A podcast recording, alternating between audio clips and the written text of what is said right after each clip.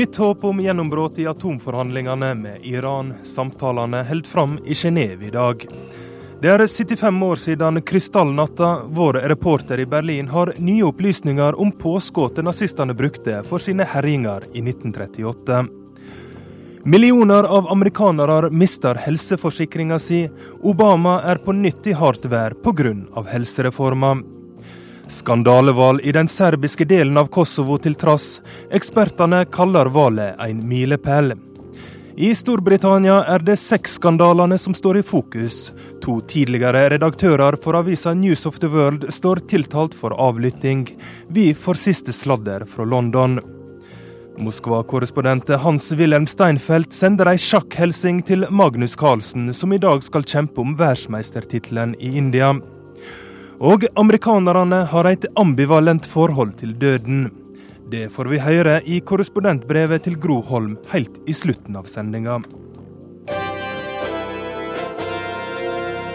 Vel møtt til Verda på lørdag. Jeg heter Roger Severin Bruland og skal guide deg gjennom aktuelle utenrikspolitiske saker den neste timen.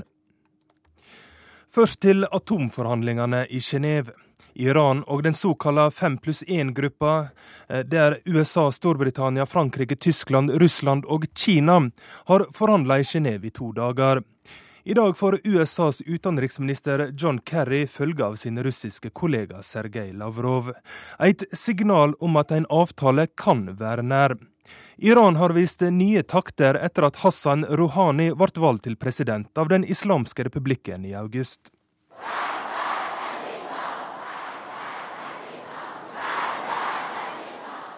Død over Amerika, roper folkemassen på et torg i Teheran. Året er 2007, og de venter på president Ahmadinejad. Han kommer på podiet og følger opp. بخشی از دستاوردهای فناوری vi vil aldri la oss ydmyke til å stanse vårt atomprogram så lenge de som krever det av oss, fortsetter med sine, sier presidenten. Og i mange år var det slik Vesten kjente Iran. Som et lite samarbeidsvillig og lukket land, og med et atomprogram man fryktet ville true verdensfreden. Eller som USAs tidligere president George W. Bush spissformulerte det i sin tale til nasjonen etter angrepet 11.9.2001. This is a regime that has something to hide from the civilized world. States like these and their terrorist allies constitute an axis of evil, arming to threaten the peace of the world. Men så skjer det et taktskifte. I juni i år blir en ny president valgt i Iran, den moderate Hassan Rouhani. Han har tidligere ledet atomforhandlingene for landet, og noe av det første han gjør er å ringe erkefienden USA for å snakke med president Barack Obama. Det er første gang de to landene har kontakt på dette nivået på over 30 år. Just now I spoke on the phone with President Rouhani of the Islamic Republic of Iran. The two of us discussed our ongoing efforts to reach an agreement over Iran's nuclear program. Uh, I believe we can reach a comprehensive solution. Og siden da har tonen vært en annen, som den iranske utenriksministeren uttrykker det. Well, I believe we have a new world. Uh, we need uh, a different approach, all of us, to global affairs, and Iran is certainly ready to play that new role in, in our different Uh, Men ikke alle tror på at Iran har endret seg. Israels statsminister Benjamin Netanyahu advarer Vesten mot å la seg blende. Iran is not building a peaceful nuclear program. Iran is developing nuclear weapons. Ladies and gentlemen, I wish I could believe Rouhani, but I don't. Reporter Guri Nordstrøm.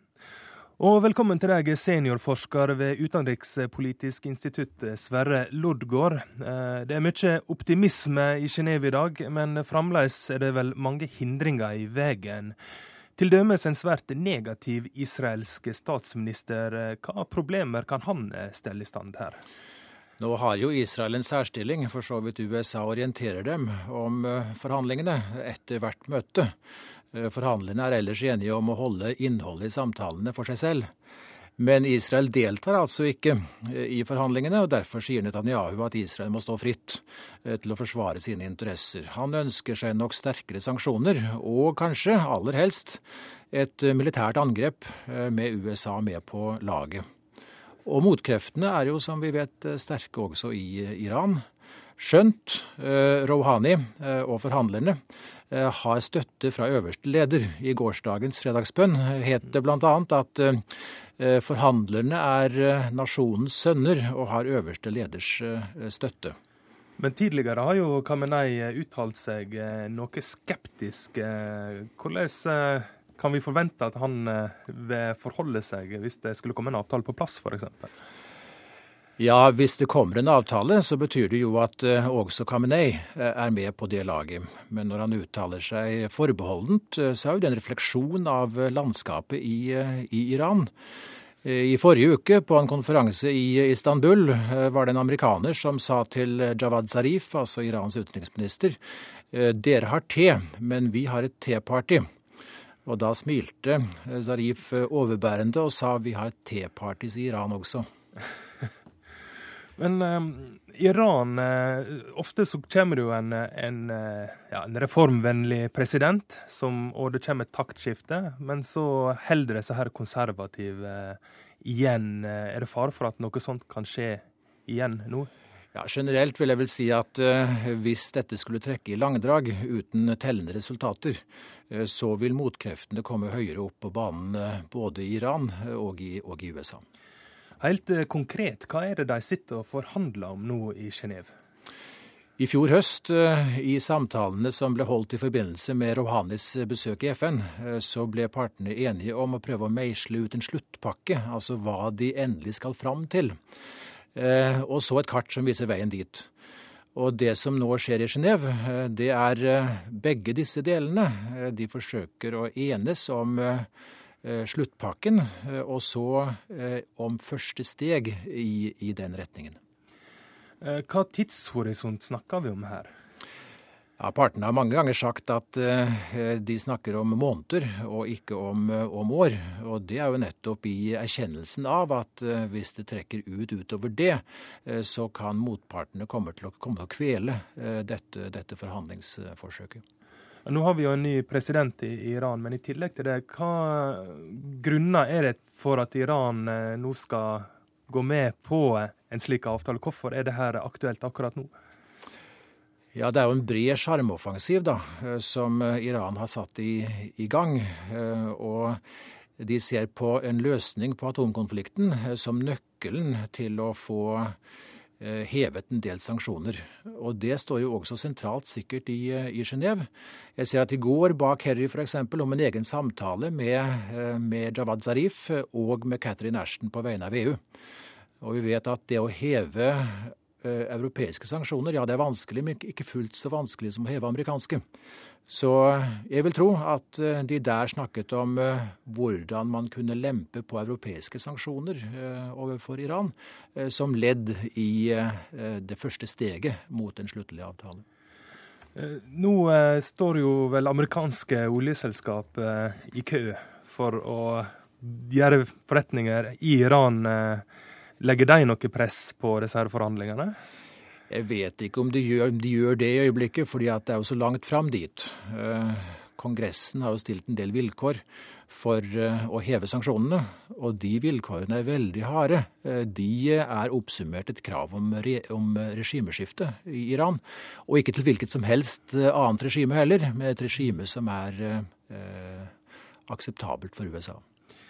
Eh, nå eh, kommer det jo eh, meldinger her på nyhetsbyrået av ulike utenriksministre, den franske og den britiske, som prøver å legge en demper på forventningene om et gjennombrudd i dag. Hvordan skal vi tolke det? Ja, Forventningene er jo naturligvis skrudd i været. For vi ser at Kerry f.eks. Avbry avbryter sitt Midtøsten-besøk og reiser til Genéve, og Lavrov eh, fløy inn i, i, dag tidlig. Eh, så det er jo da tegn på at det er viktige ting på gang. At de ser muligheter for eh, store framskritt. Og så er de ikke der enda. Og da hører det jo med til spillet og diplomatiet å gjøre oppmerksom på at nei, det er ikke sikkert det lykkes. Um hvor, hvor, viktig vil du vurdere det til å få en avtale på plass? Hvor viktig er det for eh, verdensfreden å, å få en avtale med Iran på plass? Ja, hele verden vil jo øh, juble hvis det kommer en avtale på, på plass. Det er, det er, helt klart. Og det må jo også motkreftene i USA notere seg. At hvis Obama har styrke og mot til å gå for dette, så vil altså lovordene eh, velte inn over USA. Eh, og også gjøre det vanskeligere for motkreftene i, i, Kongressen i første rekke å torpedere dette. Men igjen, det er sterke motkrefter i, i, Kongressen. Husk på at i USA er det noen da, som gjerne vil atomprogrammet til livs og begrense det. Men så er det andre som for all del vil regimet til livs og vil fjerne det. Og da er vi tilbake til, til 1979 og forbitrelsen over det som skjedde der. Fremdeles en eh, lang vei å gå. Eh, takk til deg, seniorforsker ved NUPI, eh, Sverre Loddgaard.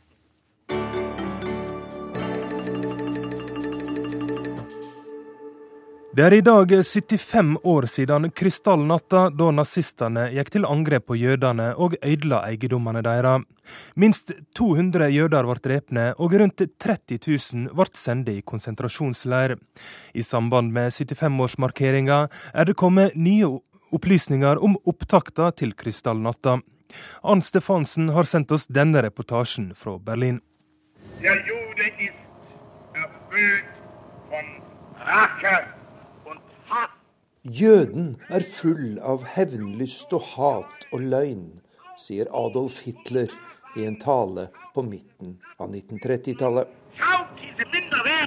Etter at nazistene tok makten i 1933, startet en gradvis utestenging av jødene fra det tyske samfunnet. Sjikane, diskriminering, yrkesforbud og boikott av jødisk næringsliv var noen av tiltakene og den 9. november 1938 skjedde det en dramatisk opptrapping. Et fysisk angrep på jødene og deres eiendommer over hele Tyskland. Werner Simonsson, som bodde med sin jødiske familie i Magdeburg, forteller. Und gegen 10, fing der Krawall an.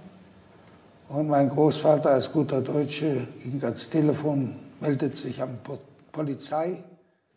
Ved ti-elleve-tiden om kvelden startet bråket. Vi bodde i tredje etasje og hadde en smykkeforretning i første. Min bestefar, som var en rettskaffen tysk borger, ringte til politiet og fortalte hva som skjedde. Svaret han fikk, var Hør her, jøde, dette vet vi, hold kjeften din. Og dermed var samtalen slutt. I løpet av natten ble forretningen plyndret og fullstendig ødelagt. Og neste dag ble min far arrestert og sendt til konsentrasjonsleiren Buchenwald, forteller Werner Simonsson fra Magdeburg.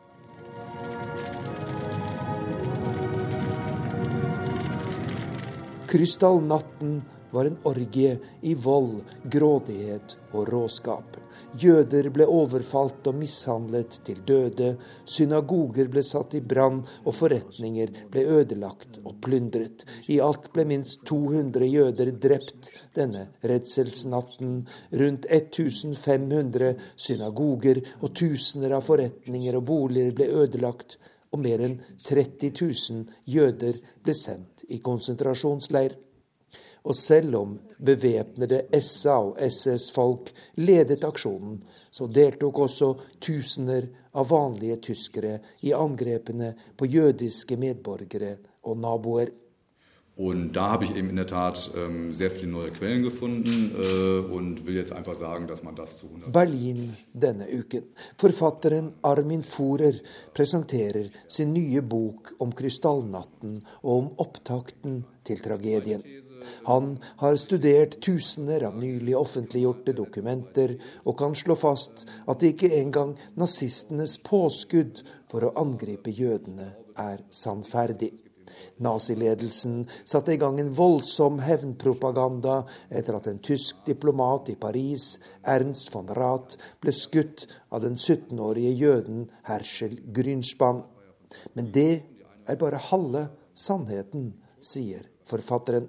Ich gehe ziemlich sicher davon aus, dass Herschel Grünspan ähm, Ernst vom Rath nicht, an, nicht erschossen, sondern nur angeschossen hat. Jeg er temmelig sikker på at Grünspans skudd mot von Rath ikke var dødelige.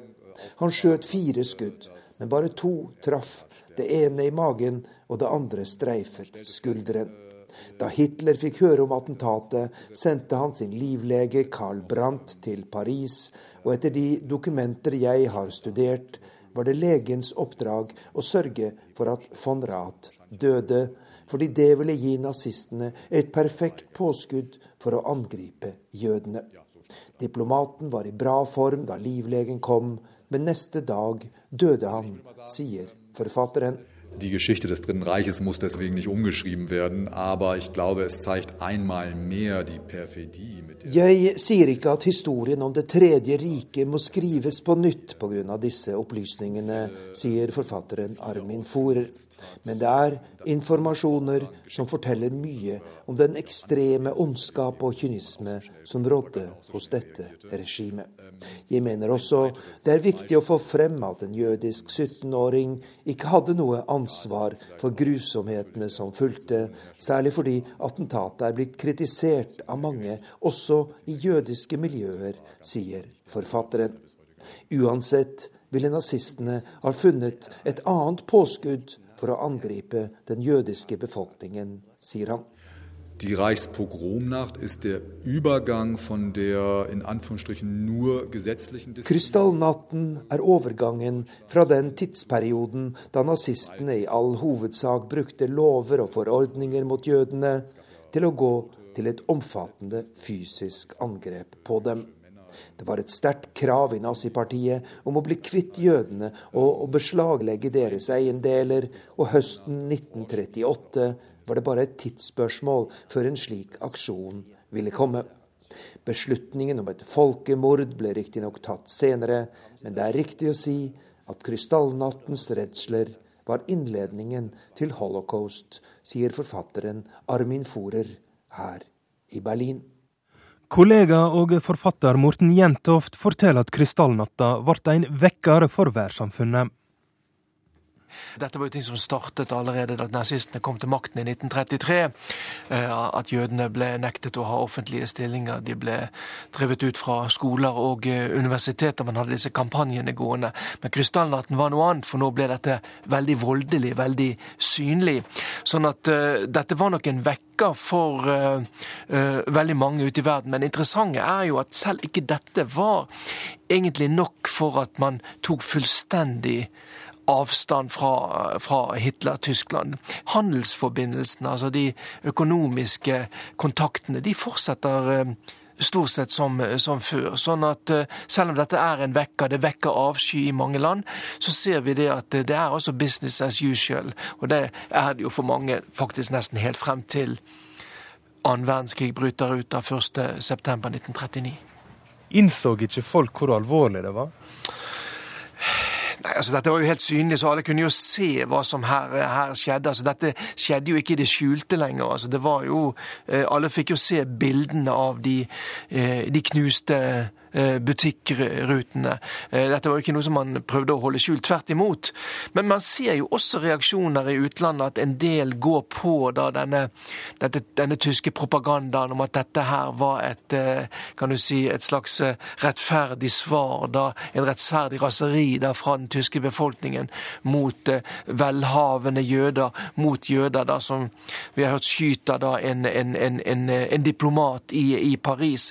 Sånn at den tyske propagandamaskinen, vi skal huske at den var allerede godt i gang, og den virket også i utlandet, den, den gjorde også inntrykk hos mange som kanskje gjorde at en del folk rundt omkring, f.eks. også her i Norge, da ikke så helt dybden i det som foregikk i Tyskland, men eh, kjøpte også en del av den tyske, eh, tyske nazipropagandaen.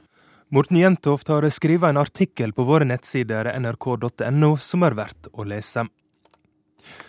Saudi-Arabia forbereder seg på å trene og utstyre flere tusen syriske opprørere. Det skriver den britiske avisa The Guardian. Saudi-Arabia er bekymra for at Al Qaida og andre ytterliggående grupper vil ta over kampen mot Assad-regimet.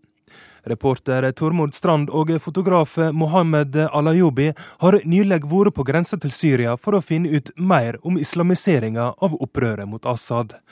Og Tormod Strande, hva er situasjonen for opprøret i Syria? Borgerkrigen i Syria er jo et mareritt for syrere, men for gruppene som eh, baserer seg på Al Qaidas ideologi, så er jo dette en drøm det som skjer i Syria.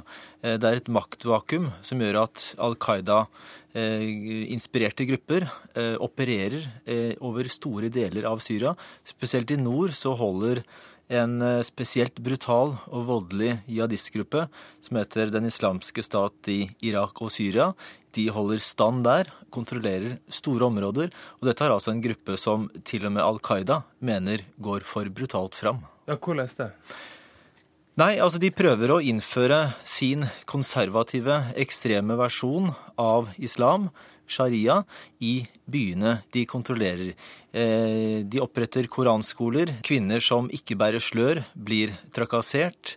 Eh, og det skjer eh, henrettelser på åpen gate av, av tilfeldige mennesker. Målet er jo å skape frykt for å kunne regjere disse områdene.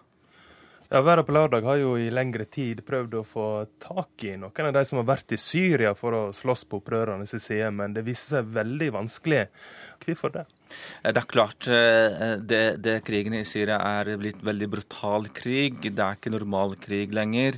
Det er mange forskjellige ideologier. Det er ekstrem form for islam. Det er mange hevder at dette eh, det de holder på med, er ikke noe med islam å gjøre. Eh, jeg har selv vært Eh, i Syria både i fjor og i år. I fjor så eh, stort sett var jo sekulære opprørere som mot Assad. I år er ikke det lenger. Vi tør ikke gå inn i Syria. Jeg var i um, en by som heter Jobrod, det er ca. 20 km fra Damaskus. Og det vi så der inn i byen, skremte oss veldig. Det er folk fra Al Qaida, det er folk fra Jebet al-Nusra og andre de, eh, de er imot alt som er vestlig, og alt med, med, med, eh, med Vesten å gjøre. Eh, krigen i Syria tok jo helt annen retning enn det man hadde håpet på. Og rett og slett fordi mange hevder at, at pga. Eh, syriske opprørere forlatt for seg selv. Og dermed det er kun Al Qaida som de fikk hjelpe fra. Jeg har snakket med flere syriske ledere også fra uh, den frisyriske hæren uh, ganske tidlig i, i år, senest i mai. Og de sa til oss det er flere som hopper av til Qaida, for Al Qaida som har penger og de har våpen, og de klarer å stå imot regimet. Men nå har det gått for langt. Det er jo, det jo dilemma, ikke sant? fordi disse jihadistgruppene de har kontroll over eh, oljefelt. De får penger fra eh, konservative krefter i, Saudi-Arabia, Qatar. Eh, de har de beste våpnene, de har de beste soldatene.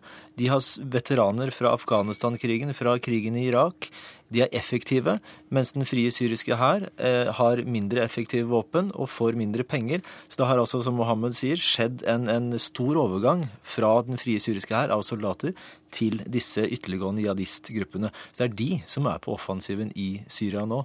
Og vi møtte jo flyktninger på grensen eh, som kom ut av Syria, og som forteller at eh, dette var ikke det de hadde håpet på. Det var ikke dette oppstanden mot Assad eh, skulle ende med, at deler av Syria overtas av, av jihadister som ønsker en helt ekstrem form for islam, eh, som kanskje er enda verre enn det Assad eh, sitt styre sto for. Tormod Strand og Mohammed Alayubi, takk for at dere kom i studio. Reportasjen dere har laga, kommer i Dagsrevyen i morgen.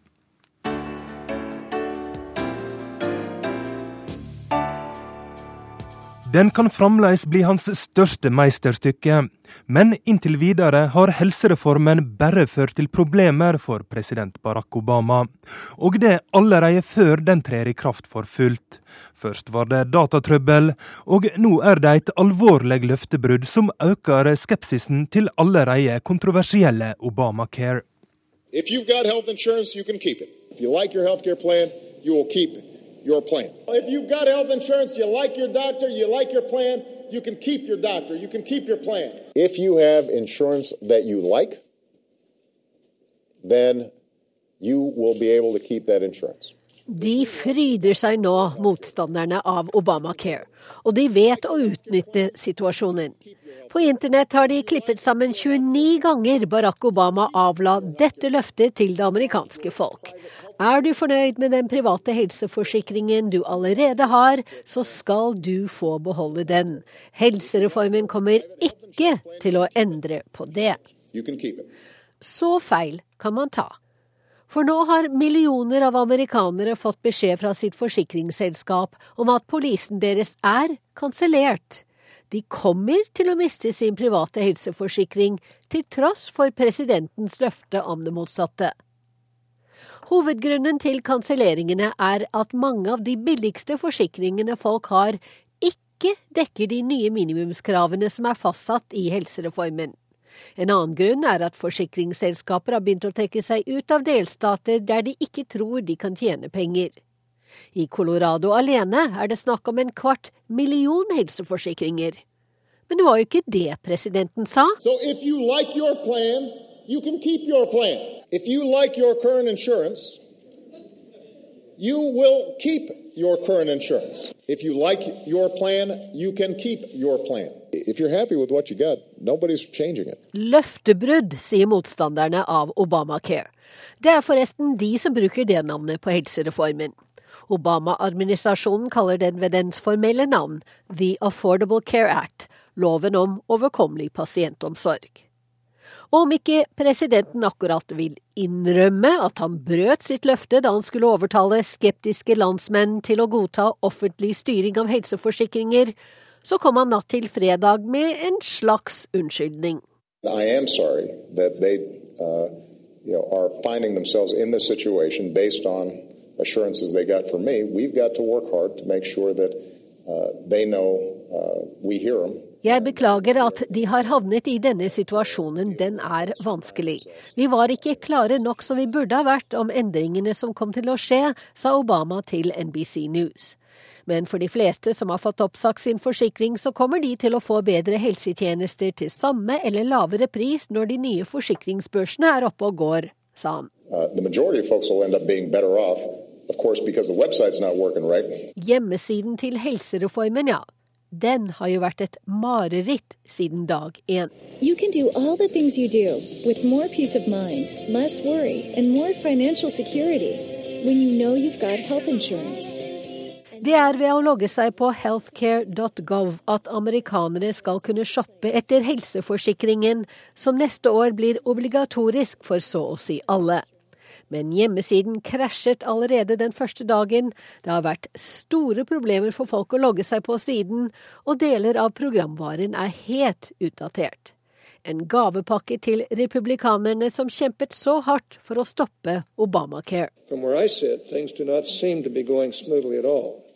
In fact, I think we would all agree that thus far the implementation of the so-called Affordable Care Act has been an absolute debacle. En katastrofe kalte senator Orrin Hatch implementeringen av helsereformen da Obamas helseminister ble innkalt på teppet i Senatets finanskomité. Jeg er glad for at du tar ansvaret for denne ulykksalige utrulleringen, men hadde foretrukket at Obama-administrasjonen hadde vært ærlige mot oss helt fra begynnelsen av, sa han. Og helseminister Kathleen Sebelius har beklaget og lovet bot og bedring både i Senatet og Representantenes hus. I am as frustrated and angry as anyone with the flawed launch of healthcare.gov. So let me say directly to these Americans, you deserve better. I apologize. I'm accountable to you for fixing these problems. And I'm committed to earning your confidence back by fixing the site. Katastrofe, lappverk og slurv er bare noen av ordene som er brukt til å beskrive startskuddet for helsereformen. Og kritikken kommer ikke bare fra republikanerne, men også Obamas partifeller. Den tredje kongresshøringen på like mange uker skjer i regi av Representanthusets mektige kontrollkomité. I Senatet har en demokrat og en republikaner gått sammen om å foreslå ett års utsettelse på boten man må betale hvis man ikke har skaffet seg helseforsikring innen 31. mars neste år. Og det kommer stadig nye meldinger om folk som må betale langt høyere forsikringspremier enn de ble forespeilet. I think what most people, I hope, also recognize is that when you try to do something big, like make our healthcare system better, that there are going to be problems along the way. Til NBC News sier president Obama at han håper at folk forstår at det oppstår problemer når noe så stort som helsereformen skal gjennomføres, men at de til slutt vil oppleve at det var verdt det. And uh, I hope that people will look at the end product and they're going to be able to look back and say, you know what, we now have protections that we didn't have before. Sa Barack Obama, reporter Wenche Eriksen. Klokka har eh, passert halv tolv. Du hører på Væra på lørdag. Og Magnus Carlsen er i gang med første parti i VM-kampen mot den indiske verdensmesteren Vishy Anand, som spiller på heimebane i byen Chennai. NRK har liveblogg på nrk.no, slik at du kan følge kampen og høre på været på lørdag samtidig. De to skal spille tolv parti før det blir kåra en vinner. 22 år gamle Carlsen er superstjerne i land som elsker sjakk, som Russland. For under den kalde krigen hadde slike oppgjør storpolitiske undertoner. Det har inspirert vår Moskva-korrespondent Hans-Wilhelm Steinfeld til å sende oss denne reportasjen. Wasn't it good? So good. Wasn't he fine? So fine. Isn't it madness? He can be mine. Det er en tid til å forstå en mann. Nå vet jeg i det minste at jeg kjenner ham så godt. Men var det ikke godt nok, og hva fant han? Synger kvinnen i musikalen Sjakk, som åpenbart symboliserte konen til Viktor Kartsjnoj. Han hoppet av fra Sovjetunionen under sjakk-VM i Amsterdam i 1976. Hans kone ble sittende her øst for jernteppet som et gissel i Sovjetunionen. For det var landsforræderi å begå republikkflukt. Straffen var ti års fengsel. Ved sitt avhopp leverte Viktor Kartsjnoj et hardt slag mot sovjetledernes nye undertrykkelsesbølge bare året etter at disse lovet bot og bedring når det gjaldt menneskerettighetene under Helsingforskonferansen i 1975. Så i 1983 kom ABBA-guttene Bjørn Ulveus og Benny Andersson hit til Moskva sammen med Tim Rice for å overtale den sovjetiske superpopstjernen Alla Pugatsjova og synge rollen som Katsjnois forsmådde hustru. Den gangen traff jeg denne trioen sammen med popdivaen til en middag på Sveriges ambassade her i Moskva, da de var i innspurten med musikkspillet sjakk.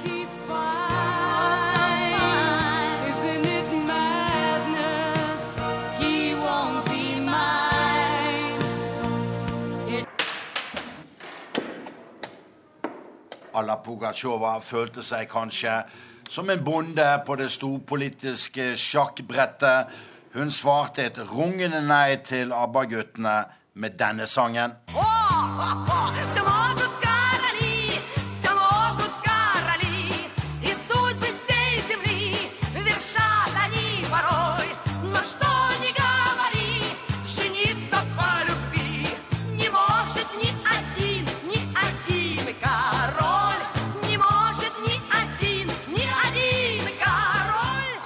kan tillate seg alt, og verdens skjebne avgjør de på et øyeblikk.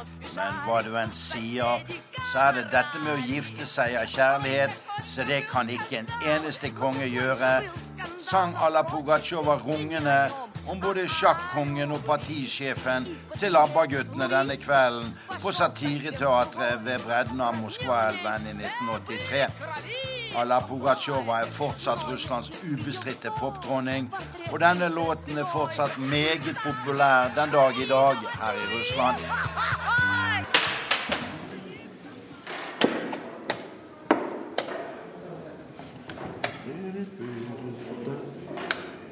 De store russiske sjakkmestrene ble ofte bønder på storpolitikkens sjakkbrett. Kommunistene i Kreml var ideologisk heldigere med verdensmesteren Anatolij Karpov, som fikk en kjempeleilighet ved Patriarkdammen her i Moskva. Anatolij Karpov var partitro og konformist. Derfor var det pirrende for sjakkflinke russeres nysgjerrighet da den unge jødiske sjakkspilleren Gadi Kasparov fra Baku i Sovjetrepublikken Aserbajdsjan senere fratok Karpov den internasjonale sjakktronen. Dagens russiske myndigheter kan ikke sies å finne nåde for Kasparovs øyne. Han er en av landets mest kjente dissidenter, og var også en tid trener for Magnus Carlsen. Høyt og lavt i det russiske samfunnet spilles det sjakk, selv i mørket, under gatelampen i parken ved Sjevtsjenka-boulevarden i Kiev, spiller gamle menn sjakk kveldstid og sitter der antagelig denne formiddagen også og spiller sjakk ved fast monterte spillebord. Kanskje nettopp der i Kiev fins den mest romantiske sjakkarenaen som jeg har sett i den tidligere Sovjetunionen. Man sier at sjakk er et spill for guder i sin abstraksjon. Nettopp matematikerne bar frem opposisjonen i sovjetsamfunnet fordi de manipulerte abstraksjonene så godt at sovjetdiktaturet ikke lenger var mulig å forsvare, og falt ikke minst takket være fysikk- og matematikkgeniet Andrej Sakharov, som fikk Nobels fredspris da han, som sjakkongen Viktor Kartsjnoj, betakket seg for sovjetmaktens privilegier. Hans-Wilhelm Steinfeld, Moskva. Valget i Kosovo før helg skulle være en test på om den nye avtalen om normalisering mellom Beograd og Pristina er livlaga. Men det enda med gråt og tenners gnissel. Likevel mener eksperter NRK har snakka med at urnegangen på en måte var en slags milepæl. Angst og redsel i et valglokale i Kosovo. Zaključana su vrata. Zaključana su vrata, lome se kutije. Maskerte menn baner seg vei gjennom knust glass, river med seg stoler og bord og kaster stemmeurner i bakken. En eldre kvinne ble alvorlig skadet da hun ble truffet av en stol som fløy gjennom luften. Selv observatører og medlemmer av valgkommisjonen måtte flykte. I serbiskdominerte områder var valget i Kosovo preget av vold, trusler og sabotasje. Lederen for EUs styrke i Kosovo, Eulex, legger ikke skjul på at skuffelsen er stor.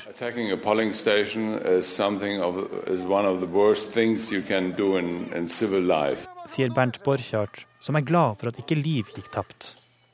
Det gjorde det imidlertid i september, da en polititjenestemann i Eulex-styrken ble drept i det nordlige Kosovo.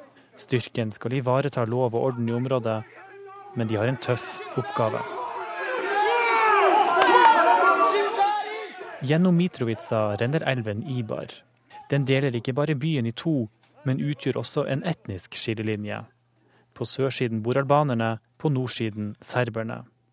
Serberne i nord har aldri godtatt at Kosovo i 2008 erklærte seg som uavhengig stat. Før en iskald februardag for snart seks år siden var Kosovo en serbisk provins. Kosovo er allerede anerkjent av over 100 stater, men i Kosovo nord for Ibar tilhører man fortsatt Serbia.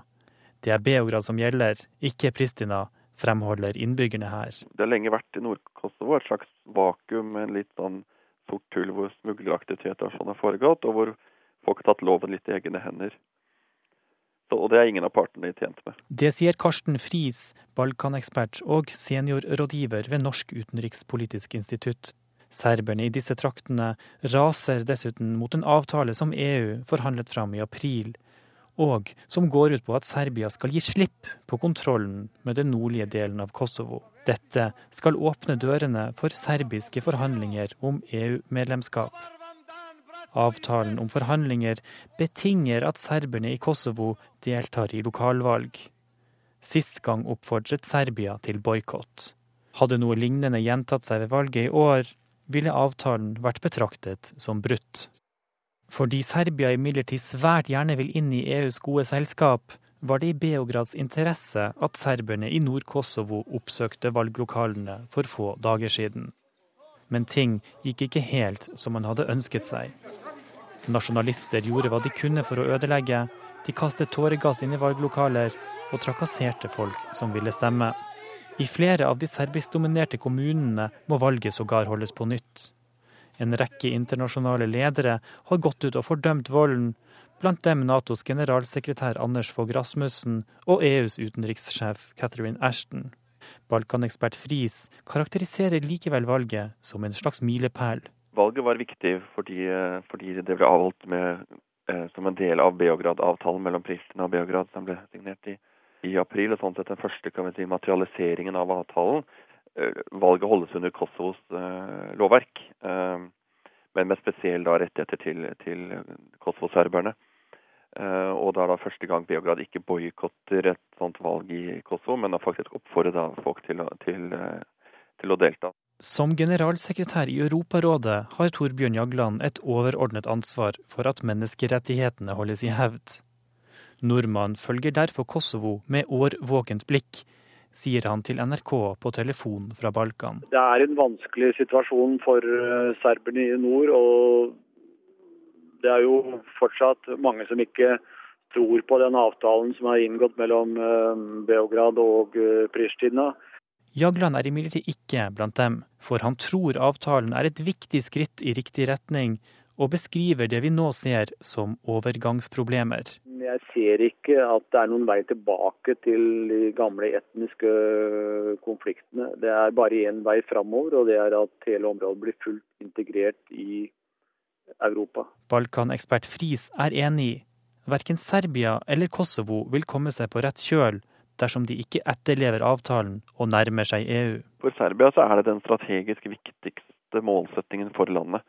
Det er eh, motoren for reform. Det er det som demokratiserer landet, som gjør at man får slikt på økonomien eh, og alle slike ting.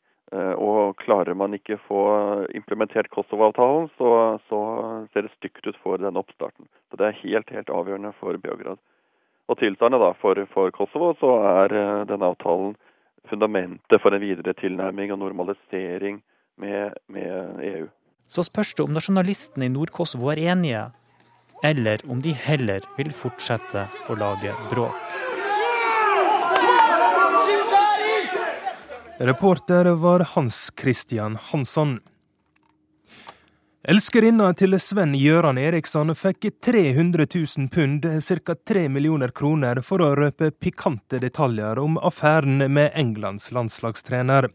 Sidespranget fikk avisa News of the World nyss om ved å avlytte telefoner. To tidligere redaktører for tabloidavisa står nå tiltalt for metodene sine. Og rettssaka har ført til daglige pikante avsløringer på de britiske øyene. Og London-korrespondent Espen Aas, du følger denne saka tett. Hva konsekvenser får denne avlyttingssaka for britisk tabloidjournalistikk? Den har jo allerede fått eh, konsekvenser i den forstand at eh, pressen selv ikke får lov til å regulere seg selv, rett og slett. Et nytt presseregulerende organ er nå blitt eh, innført her på de britiske øyer, mot viljen til en samlet britisk presse et organ uh, hvor da pressen ikke engang uh, får være medlem. Uh, det er oppnevnt indirekte da fra parlamentet, og de skal bestemme når pressen begår overtramp. De bestemmer når pressen må trykke beklagelser på forsiden, og størrelsen på bøter som også kan gis til aviser som tråkker over etiske grenser. Men eh, når en går til slike metoder som eh, telefonavlytting og e-postavlytting osv., så, videre, så må det jo være stor interesse for eh, sexskandaler på de britiske øyene. Hvordan tolker du det her? Altså, det har det jo aldri vært noen tvil om, at britiske aviser har solgt meget godt på pikante avsløringer av, av kjendiser, deriblant uh, Sven Göran Eriksson, som du, du nevnte. Hans uh, hva skal vi si, eh, noe begrensede innsats under teppet har jo blitt uh, allemannseie også nå på nytt gjennom denne rettssaken, fordi at detaljer fra telefonbeskjeder, detaljer fra uh, informasjon som News of the World har sittet på, har jo igjen blitt lest opp i retten og igjen blitt uh, trykket i avisene. Og dette har jo ikke bare handlet om han, det har også handlet eh, om flere andre, deriblant eh, tidligere innenriksminister og tidligere undervisningsminister David Blunkett, den, eh, den, blinde statsråden i Tony Blairs regjering. Han hadde jo et forhold til en kvinne, og hans hjerteskjærende beskjeder til henne da forholdet begynte å ta en slutt, ble også allemannseie takket være News of the World, som hadde full kontroll på hvilke beskjeder som ble lest inn på hvilke telefonsvarer. Og Nå kommer jo fram at disse to tidligere redaktørene også har hatt et eh, forhold. Er ikke det et eh, paradoks at gjennom denne rettssaken så kommer det stadig nye sexskandaler og eh, avsløringer? Ja, de fikk jo strengt tatt sitt eget privatliv eh, brettet ut. Rebecca Brooks, som er den ene av de to hovedtiltalte, sitter jo i eller sitter jo i tiltaleboksen sammen med, med, sin nåværende ektemann. Han måtte jo sitte og høre på eh, aktor fortelle om forholdet hun hadde hatt til sin eh, etterfølger i redaktørstolen i News of the World. Et langt forhold de hadde hatt eh, seg imellom. Slik at her eh, er det en skittentøyvask av de helt sjeldne som skjer i eh, en av Storbritannias mest anerkjente rettssaler. En rettssak som skal pågå oppimot eh, et halvt år, og hvor man om igjen og om igjen kommer inn på disse sakene. Og kan du si også langt mer alvorlige saker, hvor eh, journalister hørte på telefonbeskjeder på telefonen eh, svareren til en forsvunnet jente, en jente som senere ble død, og de trykket bruddstykker fra disse telefonbeskjedene mens man fortsatt lette etter jenta. Ja, det er jo uh, unektelig underholdende stoff, dette her. Men samtidig så er det jo et alvorlig bakteppe. Og helt avslutningsvis, Espen Aas, uh, hvor mye fengselsstraff uh, risikerer disse her redaktørene nå? Altså det som det hele handler om, er jo i hvor stor grad de selv var involvert. Altså Det er brakt helt på det rene at de drev med ulovlig overvåkning av folks uh, svartjenester på, på, mobilene. Det har mange av journalistene avslørt. Men det som uh, jo aktor forsøker å bevise, er at redaktørene var klar over dette. At de betalte folk uh, hundretusener uh, av penger for å sette dette i system. og i hvor stor grad aktoratet klarer å bevise dette, vil jo da eh, avgjøre hvor eh, strenge straffer de eh, til sjuende og sist eh, vil få. Men det å, å drive og, å bryte seg inn på andre folks svært private telefonsvare er alvorlig forbrytelse. Takk til deg, Espen Aas i London. Korrespondentbrevet er ført i pennen av Gro Holm i USA, og temaet er amerikanerne sitt ambivalente forhold til døden. I går snødde det høstløv fra trærne her i Betesta like utenfor Washington. Jeg har aldri sett så store blader, opptil 25 cm fra spiss til spiss. Naboene setter sin ære i å fjerne dem så snart de har falt, dvs. Si hæren av lavtlønnede søramerikanske innvandrere rykker inn med sine blåsemaskiner og gjør plenene grønne og gatene grå igjen. Hver fredag morgen kommer søppelbilen og tar med seg alt det andre søppelet, og jeg hadde trodd at alt som minnet om halloween ville vært borte i går formiddag, men slik var det ikke. Fra et tre foran inngangen til en av de typiske velstelte eneboligene her titter et skjelett i full størrelse og vel så det ned på de forbipasserende. Øyenhulene er mørke, og fra den ene skuldra henger remser av hvitt og svart tyllstoff. Skjelettet henger fra ei grein, som om det var en død person, forlatt av slekt og venner uten gravferd. Andre naboer har latt gresskarene stå, en del av dem skåret ut til lykter med groteske grimaser. Noen har fjernet det groteske og bare latt små babygresskar stå igjen, som en påminnelse om høst og innhøsting. Torsdag 31. oktober var det fullt liv i den samme gata.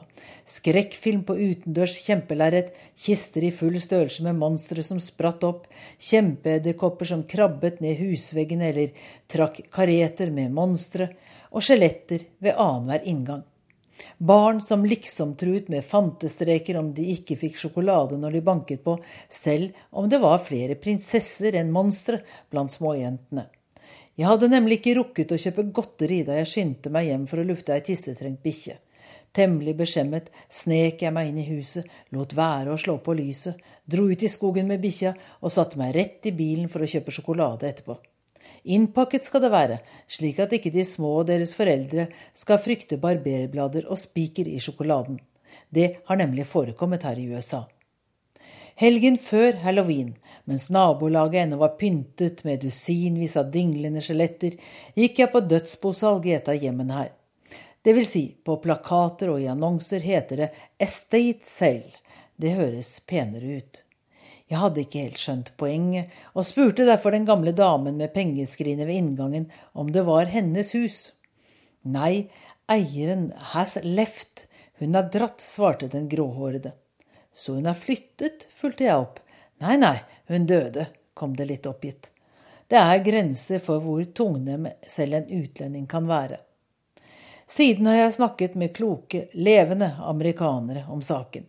Det er veldig sjelden noen her snakker om døden ved dens rette navn. Folk har passed away, gone, have kicked the bucket, er utåndet eller har sovnet hen. Det er bare noen av omskrivningene. Det samme gjelder også for kjæledyr. En blogger skriver at døden i USA er valgfri, inntil det motsatte er bevist. Sivilisasjonshistorikeren Arnold Toynbee mente at døden er uamerikansk, den passer ikke inn i den framtidsorienterte, dynamiske kulturen i dette landet. Toynbee var for øvrig brite, og han så det utenifra. Dessuten har han for lengst, ja, utåndet. Jeg har møtt unntak.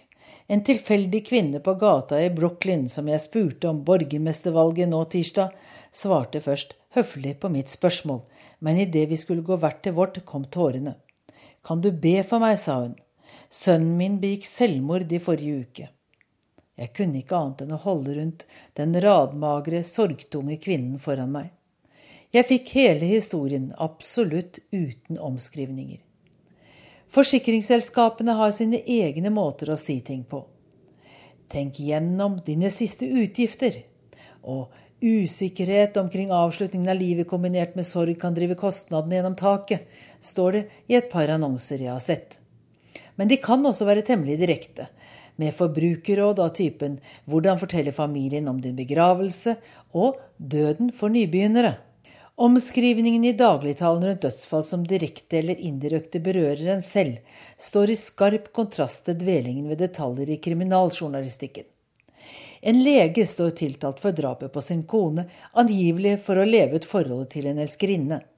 Ifølge tiltalen presset han kona, en tidligere skjønnhetsdronning, til å ta ansiktsløftning med det formålet å medisinere henne til døde etterpå. Hun ble funnet fullt påkledd i badekaret hjemme, og vannet var rødt av blod.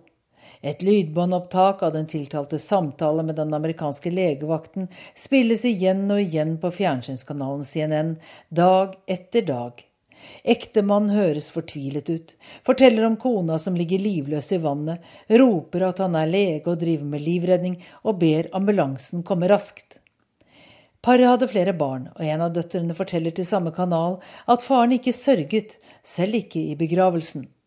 Forsvaret legger så fram sykejournaler som sier at datteren er bipolar og tidvis hallusinert. Igjen kjøres opptakene av farens stemme fra en mobiltelefon nær badekaret med en død ektefelle. Det er en grotesk grafsing i detaljer, tilsynelatende uten presseetiske vurderinger rundt beskyttelse av intervjuobjekter i mental ubalanse. Samtalen med legevakta kjøres nemlig som et intervju, og CNN sendte på det mest intense intervjuet tre ganger i løpet av én studiosamtale om saken. Jeg har bodd her i knappe tre måneder, og det er nettopp kontrastene det er vanskelig å bli klok på. Hvordan har det seg at de politikerne som oppfatter seg selv som nærmest Gud, også er de som mener at retten til å bære våpen nærmest er en menneskerettighet, i alle fall en rettighet forankret i den amerikanske konstitusjonen? Gi fra deg våpnene dine, så gir du fra deg friheten, står det på en tekopp jeg kjøpte på et folkemøte med den republikanske senatoren Ted Cruz i Texas. Hans far, pastor Cruz, innledet møtet med forbønn, sikker på at Gud er på deres side. Det finnes en omfattende forskning på at tilgang på våpen øker faren for drap ved skyting, men det virker ikke som det gjør inntrykk på motstanderne av en mer restriktiv våpenlov. Det er selve friheten som står på spill i et land der mange oppfatter at staten ikke strekker til når det gjelder å forsvare enkeltindividet. Men har staten, representert ved domstolene, først kjent noen skyldige i drap, ja, da er det statens oppgave å gjengjelde og ta liv. Innenfor denne tanketradisjonen skal staten være så liten som overhodet mulig til hverdags, men så å si handle på vegne av Gud i spørsmål om liv og død. Tilbake til halloween. Kan kristne feire halloween? Det finnes en rekke nettsider som tar mål av seg til å hjelpe tvilende med å finne svaret. På den ene siden er halloween en tradisjon med visse kristne røtter kvelden før allhelgensdag 1. november, da alle helgenene i den katolske kirken ble feiret. På den andre siden har den røtter i en keltisk hedensk høsttakkefest, samein, sier en populær myte. I denne overgangstiden mellom sommer og vinter vandret de dødes ånder rundt på leting etter nye kropper å flytte inn i, og ettersom de levende ikke ønsket å bli okkupert av andres ånder, kledde de seg ut og lagde høye lyder for å skremme dem vekk. Den kristne troen tok opp i seg elementer av hedensk religion, og slik gikk det til at folk bakte sjelekaker som ble gitt til folk som banket på, i bytte mot at de lovet å be for at åndene på vandring skulle finne veien til Guds rike. Det er her lyktene kommer inn. I Irland og Skottland brukte en turnips til å lage lykter, her i USA er det gresskar. En irsk legende vil ha det til at drikkfeldige Jack møtte djevelen på vei hjem en vakker kveld. Djevelen lurer Jack opp i et tre, men Jack tar kontrollen ved å tegne et kors i barken. De to forhandler seg fram til en løsning der Jack får løfte om aldri å havne i helvete, mens djevelen slipper løs. Men idet de skilles, kaster djevelen et brennende stykke kull fra helvetesbålet etter utfordreren. Jack putter kullstykket inn i en uthullet turnips så ilden ikke skal slukke, og siden den gang har han vandret rundt på en evig jakt etter hvilested. I himmelen slapp han nemlig heller ikke inn. Seriøse kristne nettsteder svarer med at troende må ta avstand for enhver form for okkultisme, hekseri eller djeveldyrkelse. Men så lenge det bare er barnestreker eller ritualer tømt for dypere innhold, så er det helt greit å være med på halloween. Barn av Kristus har frihet til å more seg ved å kle seg ut og gå fra dør til dør, som det står i en anbefaling. Da spiller det ikke noen rolle om det er skjeletter eller oransje og sorte ballonger som henger fra trærne. Døden og djevelen er like langt unna uansett. Været på lørdag er slutt. Teknisk ansvarlig Guri Finnsveen. Skript Oda Holm Gulbrandsen. I studio Roger Severin Bruland.